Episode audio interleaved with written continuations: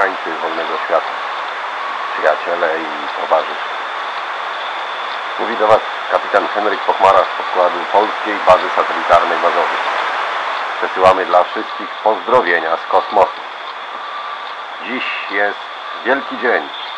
Dzięki pokojowej współpracy z naszymi braćmi ze Związku Radzieckiego, z Czechosłowacji i z Węgier stawiamy kolejny krok ku gwiazdom.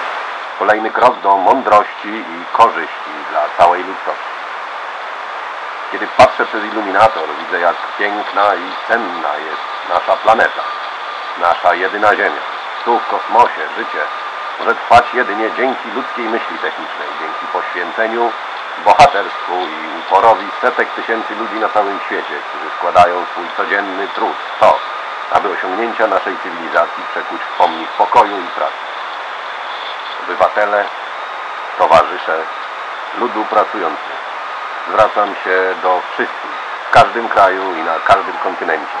Jeżeli pragniecie żyć w pokoju i dostatnio, jeżeli waszym sercom bliski jest rozwój i oświetlenie, porzućcie wojny, porzućcie swary, przyłączcie się do nas w wielkim dziele ujarzmiania natury, by żyło się lepiej ludziom pod każdym niebem.